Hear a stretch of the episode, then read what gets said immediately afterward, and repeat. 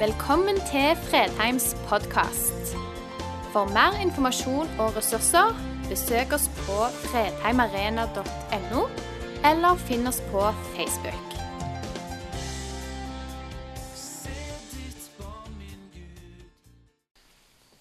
Ganske nøyaktig for fem år siden så fikk jeg lov å være i Israel for første gang.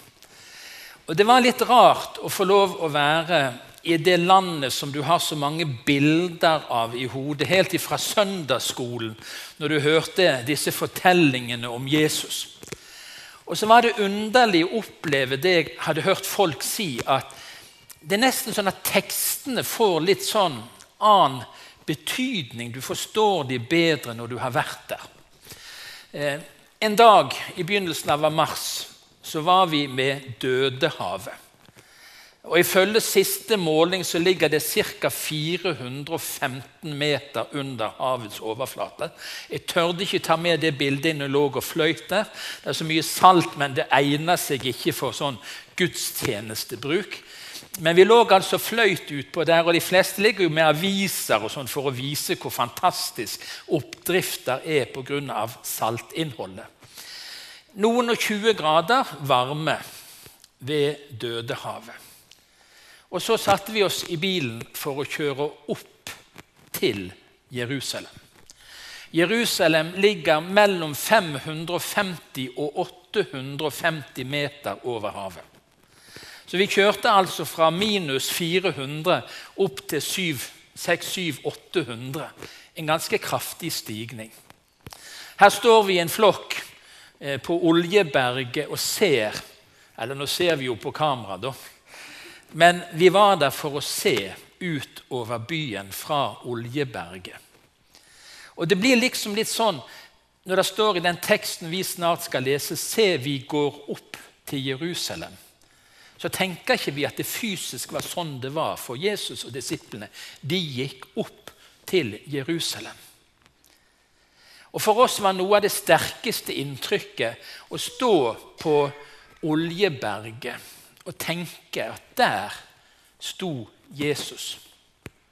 Når han så ut over byen Disse historiene som vi leser, har faktisk fysisk skjedd du kan gå på de samme stedene, du kan gå på en måte i Jesu fotspor. Og det å stå på denne høyden og se ned på byen og tenke her sto Jesus når han så ut over byen. Og det som Svein Ove sa, og han så på den byen, og han falt i gråt. For de visste ikke sitt eget beste.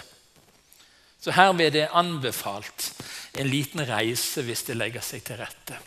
Teksten i dag på denne søndagen i kirkeåret finner du i Lukas 18.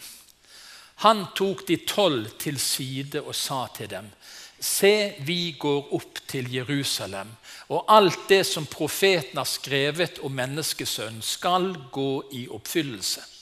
Han skal overgis til hedningene og bli hånt og mishandlet og spyttet på, og de skal piske ham og slå ham i hjel. Og Den tredje dagen skal han stå opp. Men de skjønte ikke noe av dette. Meningen var skjult for dem, og de forsto ikke det han sa. Denne teksten står i en sammenheng. Nå er vi med innledningen til fastetiden. Eh, den innledes på onsdag, det vi kaller for askeonsdag. Og Jeg regner ikke med at det er veldig mange her som har planlagt en 40 dagers fasteperiode fram til første påskedag. Det var lovpålagt i Norge for noen hundre år siden. At alle måtte ha faste knytta til denne fasteperioden. Det er det ikke lenger. Der er, begynner syvende uken før første påskedag. og Så regner ikke vi med søndagene. og Derfor blir det altså 40 dager i fastetiden. Men tanken er at det skal være en forberedelsestid. Det som skjer i påsken, er så dramatisk, det er så stort, det er så grensesprengende at vi gjør lurt i å forberede oss på det, for å forstå det, for å kunne ta det til oss. Og Jesus snakker nå for tredje gang til disiplene sine om sin død og oppstandelse, den teksten vi leste. Og det er forunderlig, fremdeles forstår de ikke hva han snakker om. Fremdeles, etter å ha vandra sammen med han så lenge, så tett, så nært, så har de ikke helt forstått hvordan dette her skal gå til slutt. De har ikke fått med seg at hans vandring opp til, til Jerusalem handler om hans død og om hans seierrike oppstandelse. For meg ble denne setningen 'Se, vi går opp til Jerusalem' noe som bare begynte å kverne i meg. Vi går opp. Jesus inviterer disiplene til å følge seg og være sammen med han inn i det dramaet som de ennå ikke forsto noen ting av. Og Hvis vi går ett steg tilbake hva er det viktigste i kristenlivet? Nå skal vi ikke ta en håndsopprekkelse, og skal jeg peke på dere som har svaret. Men hva tror du egentlig er det viktigste i kristenlivet? Er det ikke ganske enkelt det Jesus sa? Og ta det på alvor. Kom, følg meg. Kan ikke vi kanskje bare koke det ned til at det å være en kristen, det er å følge Jesus? være sammen med, gå i hans følge. Det var det han inviterte disiplene til. Eh, så var det mye som fulgte etter hvert. Men en, en kristen er i prinsippet en som følger Jesus. Og Det er mange måter å følge han på, og det er mange ulike læresetninger. Det er mange måter å gjøre ting på. Men kok det ned. Jesus sier, 'Vi går. Vær sammen med meg.' Og Han begynte når han møtte de første gang. 'Kom, og følg meg. Det som skjer i påskedramaet, det er han stort sett alene om. Det som skulle til for å åpne veien hjem til Gud, fikk han ikke mye hjelp til av disiplene. Vi skal kikke litt på det etter hvert. Han sto ganske alene om det som åpna veien hjem til Gud. Men likevel tok han disiplene med seg helt inn i det innerste. Når han er i Getsemane, og vi gikk fra Oljeberget ned til Getsemane. Og så dvelte vi der. Og så kunne vi tenke på disse tekstene, på den fortellingen. Og så tok han med seg inn der når han skulle be. Kanskje noe av det mest inderlige og sterke vi leser Jesus be. Når til og med blod, når, når svetten falt som blodstråper. Så dramatisk var det for Jesus, men han ville ha med seg disiplene. Vær med meg, sa han til tre av dem. Han tok dem med seg inn. Og på en måte er det sånn at Når vi feirer påske, så skulle vi bli med han. Det er ikke en historie uten liv som skjedde for 2000 år siden. Det er en historie som gjelder fremdeles. Jesus sier, 'Vil du bli med meg opp til Jerusalem?' 'Vil du være med meg inn i Getsemane?' Han tar oss med for at vi skal få være på innsiden av det dramaet som utspiller seg. Det han ber oss om å gjøre, som han ba de tre disiplene om å gjøre. Min sjel, Han øser ut hjertet sitt. Min sjel er tynget til døden av sorg. Bli her og våk.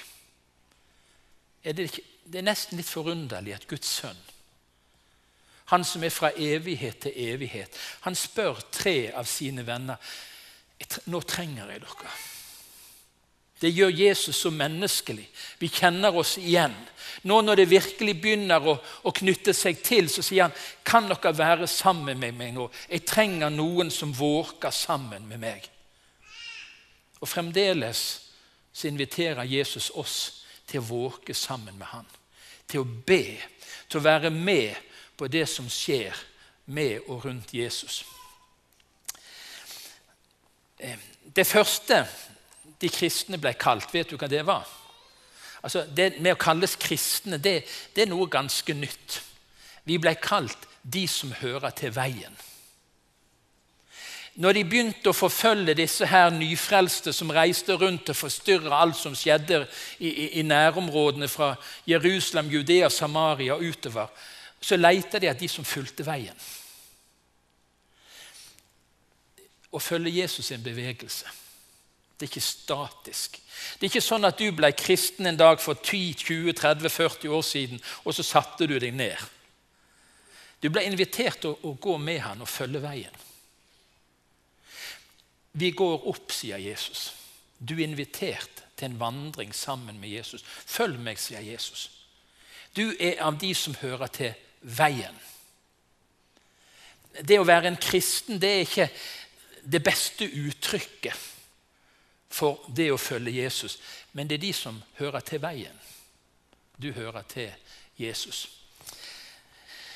Jeg tror kanskje Nå har jeg ikke ført statistikk, men et av de mest brukte bildene på norske, gamle, hvitmalte trebedehus, det er det bildet. Har du sett det? Hvis du har vært på et bedehus på Vestlandet, Sør-Vestlandet og nordover, og spesielt i litt eldre utgaven av bedehus, så er det et sånt bilde på frontveggen. Jesus som kneler i Getsemane. Bli med meg, sa Jesus. Bli med meg opp til Jerusalem. Bli med meg inn i Getsemane. Hva er vårt bidrag? Da han kom tilbake og fant dem sovende, sa han til Peter.: Simon, sover du? Klarte du ikke å våke en eneste time? Det var de som hadde fulgt han i snart tre år. De første som hadde hørt han si 'kom og følg meg'. De som han hadde sagt til 'bli med meg nå inn i det dramaet som skal utspille seg i Jerusalem'. 'Bli med meg, jeg trenger dere nå, sjelen min er tynga. Våg sammen med meg'. Og så sovna de. Og nå kunne vi tatt en håndsopprekkelse. Hvem kjenner seg ikke igjen? Hvem er det her inne som vil si det? Jeg, nei, jeg har aldri svikta. Jeg har vært våken alltid. Jeg har vært, alltid vært på hogget. Hver eneste anledning Jesus ga meg, så var jeg helt frampå tuppa. Helt klar. Skal vi ta en liten håndsopprekking? Hvem har vært der? Nei, det er ikke sånn det fungerer. Vi kjenner oss igjen. Og enda sterkere står det i noen vers seinere. Da forlot alle ham og flykta. Det engelske ordet som er brukt der, er sterkere det står 'de deserterte'. Hva er straffen i vanlig krigsnasjonal sammenheng for å desertere? Det er døden. De som deserterte. Og disiplene som var spurt Jesus om å bli med han fordi han trengte dem, de deserterte. De stakk av. Og så er det noe med dette her ja, men Det er jo ikke noe trøst i at det går dårlig for andre. sant? Ja, jeg òg har gjort det, så da kan du òg trøste deg med det. Jo, men likevel så er det noe i disse tekstene som er så realistisk. Bibelen skjuler ikke det faktum at de som fulgte Jesus tettest, svikta når det gjaldt. Du lå og skalv av angst på kne, og svetten rant som blod. Og vennene du hadde med, de sov i største ro. De svikta da du trengte dem, du hadde gitt dem alt. De valgte minste motstands vei, og alle svikta da det gjaldt. Og jeg har tenkt det skulle ikke jeg ha gjort. Jeg skulle ha kjempa sammen med deg, holdt rundt deg og tørka svetten bort. Ja, gjort hva jeg kunne for å glede deg. Han svikta ikke. Når svetten rant som blodstråper i Getsemane, så svikta ikke Jesus. Hans bidrag. Han sa, 'Abba, far, alt er mulig for deg. Ta dette begeret fra meg, men ikke som jeg vil. Bare som du vil.' Han svikta ikke. Han svikta ikke når det gjaldt som mest. Han svikta ikke når kampen var hardest, når han kjente smerten og frykten for det som lå foran. For det kjente han fysisk på kroppen sin. Det er forskjellige sånne forklaringer på det der og at svetten faller som blodstråper, hva som skal til. Og nå skal vi bare ta en bitte, bitte liten parentes. Jeg lå på operasjonsbordet for noen år siden inne på sykehuset. Tre skruer skulle skrus ut av leggbeinet. En islandsk lege, større og tyngre enn meg, sto klar med skrujernet for å skru. Og så sa han Bedøvelsen hjelper ikke akkurat når skruene løsner, sa han. Jeg lå helt avslappa. Lå flatt ut. Sykepleieren kjente jeg veldig godt, så jeg tok meg godt sammen. Pusta dypt.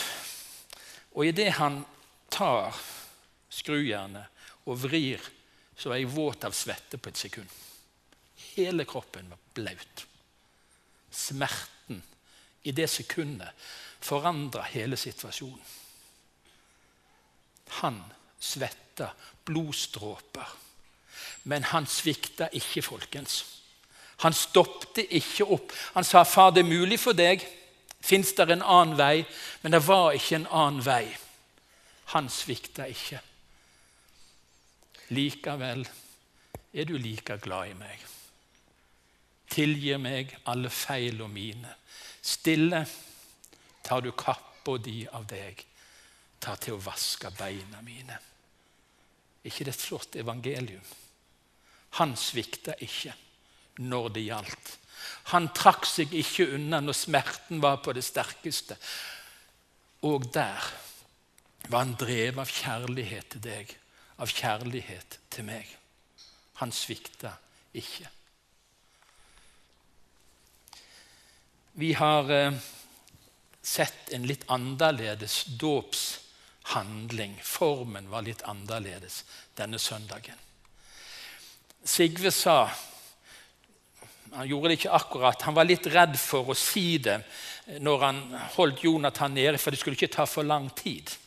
For jeg sa det til han, Tenk hvis du glemmer teksten mens han ligger nedi der, så vær litt raske. Men, men han sa det når han tok han opp, begravet med Kristus.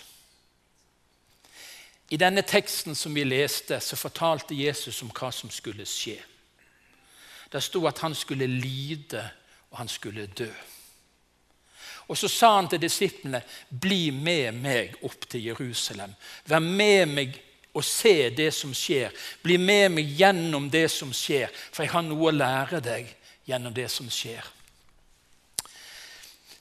I en gammel bedehussang så står det i, i et av versene Dypere med deg i døden, Herre, forenes jeg må. Det underet som skjer når vi blir døpt, enten på denne måten eller det skjer på andre måter rent fysisk Vi blir begravd med Jesus. Hans død, som han gikk gjennom i Jerusalem, den som han betalte på korset Vi blir begravd sammen med han. Vi leser fra Romerbrevet kapittel 6. Hvordan kan vi som døde bort fra synden, fremdeles leve i den? Eller vet dere ikke at alle som ble døpt til Kristus Jesus, ble døpt til hans død? Dåp er ikke en sånn romantisk familiehandling. Dåp er et drama hvor Jesus inviterer oss til å dø bort fra vårt eget. Hvor vi blir likedanna i forhold til Gud med hans død. Hans død blir vår død. Gud regner oss som død fra all synd og skyld og skam. Vi blir begrava. Vi blir døpt til hans død. Og Det Jesus inviterer deg til denne påsken, i fastetiden og nå framover, det er å bli med han inn i det forunderlige dødssamfunnet. Han inviterer deg til å gå dypere dypere med Han i døden. Har vi noe å dø bort ifra, vi som er her? I den sangen som vi siterer, så står det om selvlivets krefter i meg. Har du noen sånne krefter i deg sjøl? Har du noe som strider mot Guds gode vilje? Har du noe som du kjenner kjemper og drar deg bort ifra Han, som vil holde deg borte fra Jesus? Du inviteres til å dø. Og la dette på nytt bli alvorlig og sterkt for deg og betydningsfullt for deg. Men det handler ikke bare om det. Det handler om at han ble oppreist med Kristus. Og Så står det i den sangen 'Dypere med deg i døden, Herre forenes jeg må', at i oppstandelseslivet rikere del jeg må få. Og Her kommer noe av det som er spesielt når vi bare stanser for én høytid. Vi får ikke med oss hele historien. For de som svikta, og Peter som svikta mest i påskedramaet, hva skjedde etter oppstandelsen? Han hadde fått rikere del. Han hadde forstått, han hadde erfart at Jesus ikke bare døde, men han sto opp igjen, og han seira. Og Peter fikk del i hans seier. Og han som banna på at han ikke kjente ham, sto fram foran tusenvis av mennesker. Og Så sa han, 'Den Jesus som dere korsfesta', sa han. Og Den dagen ble over 3000 mennesker frelst og lagt til menigheten. Han var ikke redd lenger. Han hadde fått del både med Jesu død og med Jesu oppstandelse. Han hadde forstått at det var ikke slutt på korset. Nei, det kom en ny begynnelse ved Jesu oppstandelse fra de døde. Vi leser videre i Romerbrevet kapittel 6. Har vi vokst sammen med Kristus i en død som er lik hans, skal vi være ett med ham i en oppstandelse som er lik hans. Du som tror på Jesus, du som har slått deg i følge med Han. du som er en av de som hører til veien. Du inviteres til å gå sammen med Han. Og i denne fastetiden enda en gang betrakte hva som skjedde. En, enda en gang åpne opp for det som skjedde. Enda en gang sier Jesus, 'Jeg døde med deg.' Når du hang på korset, så døde jeg med deg. Når du sto opp igjen, så sto jeg opp med deg til å leve et nytt liv. Og Paulus var dramatisk når han sa det gamle er borte, sa han. Alt er blitt nytt. Jeg syns han tok vel i. Jeg, da. jeg syns jeg har litt av det gamle her ennå. Men det er ikke der jeg hører til lenger. For Gud er det gamle dødt. Det døde med Jesus på korset. Og du er kalt til å leve et nytt liv. At i oppstandelseslivet rikere del du kan få. Se, vi går opp til Jerusalem. Nå har du 40 dager på deg til å vandre sammen med Jesus. Gjennom tekstene. Stanse opp når han kommer opp på Oljebergen, når han ser utover byen, når han går ned i Getsemane, når han blir for, eh, forlatt av alle sine de stikker av. Når Peter kommer litt svakt gående bak etter han, langt bak han, inn i borggården der og svikter. Og Jesus så på han, på Peter. Det skulle ikke du ha gjort. Du skulle ha kjempa sammen med han. Men vi har svikta. Og Når vi bekjenner det, så er det utsletta og glemt. Og så ber vi nå at han må tas med inn i oppstandelseslivet. I det livet som han har gitt for oss for at vi skal få del i hans død og hans oppstandelse. På onsdag er det en kirkebønn som vil bli lest i de stedene Den norske kirke har gudstjeneste. Mange har det på den onsdagen som nå ligger foran.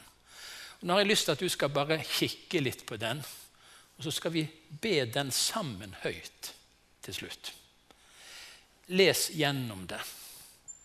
Og så skal vi be det som vår bønn nå i inn, inngangen til fastetiden.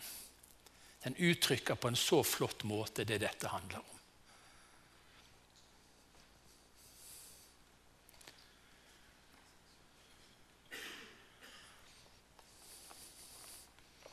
Skal vi reise oss, og så ber vi stilt og rolig, sakte, denne bønnen sammen. Barmhjertige Gud, du kan sette oss fri fra synd og forgjengelighet. Vi ber deg. Lær oss å holde fast slik du vil. Gjør oss utholdende i bønnen, trofast i kjærligheten og helhjertet i kampen for rettferd. Gi verden håp ved Jesu Kristi kors, Han som med deg og Den hellige ånd lever og råder, en sann Gud fra evighet til evighet. Amen. Lær oss å holde faste slik Gud, slik du vil. Amen.